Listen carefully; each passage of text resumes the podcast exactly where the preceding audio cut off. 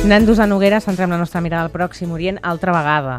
Doncs sí, és una notícia d'última hora, ha passat fa molt pocs minuts, un bombardeig a un, a un centre, a una escola de l'ONU, que gestiona l'ONU, a Gaza, on hi havia refugiats palestins. Estem encara a la fase del balanç, sembla que almenys hi ha 15 morts, i nosaltres hi tenim allà dos enviats especials a la franja de Gaza, Maria Alba Gilabert i José Antonio Rodríguez, que crec que són els que ens han d'explicar millor que ningú què és el que s'està vivint allà. Maria Alba, bona tarda. Hola, bona tarda. Què ens podeu explicar a aquesta hora, d'aquesta última hora? Doncs mira, efectivament tenim la confirmació per part de Nacions Unides de que s'ha bombardejat aquesta escola de Beit Hanun. Eh, hi ha entre 20 i 30 morts, la majoria dones i nens, hi ha més de 100 ferits.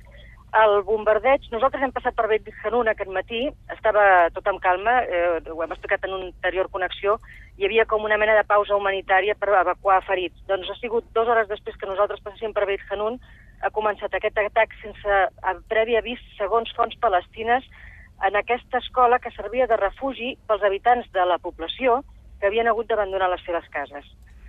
Eh, de moment no sabem si els ferits han pogut ser evacuats i cap a on.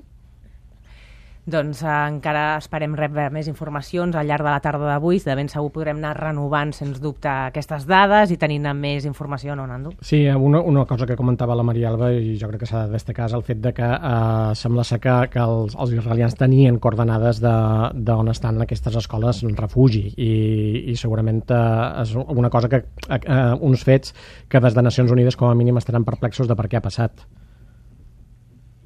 Bé, de fet, és el quart atac contra instal·lacions de Nacions Unides i eh, la gent aquí, hem parlat amb familiars de, de gent que estava allotjada en aquesta escola de Betcanun i deien que ha sigut un atac premeditat i totalment dirigit com una manera, segons ells interpreten, una manera d'Israel davant de les Nacions Unides i també del moviment palestí Hamas, que no aconsegueixen reduir-lo com ells esperaven, l'exèrcit israelià, llavors doncs, ataquen eh, instal·lacions civils, que en aquest cas seria la de les Nacions Unides.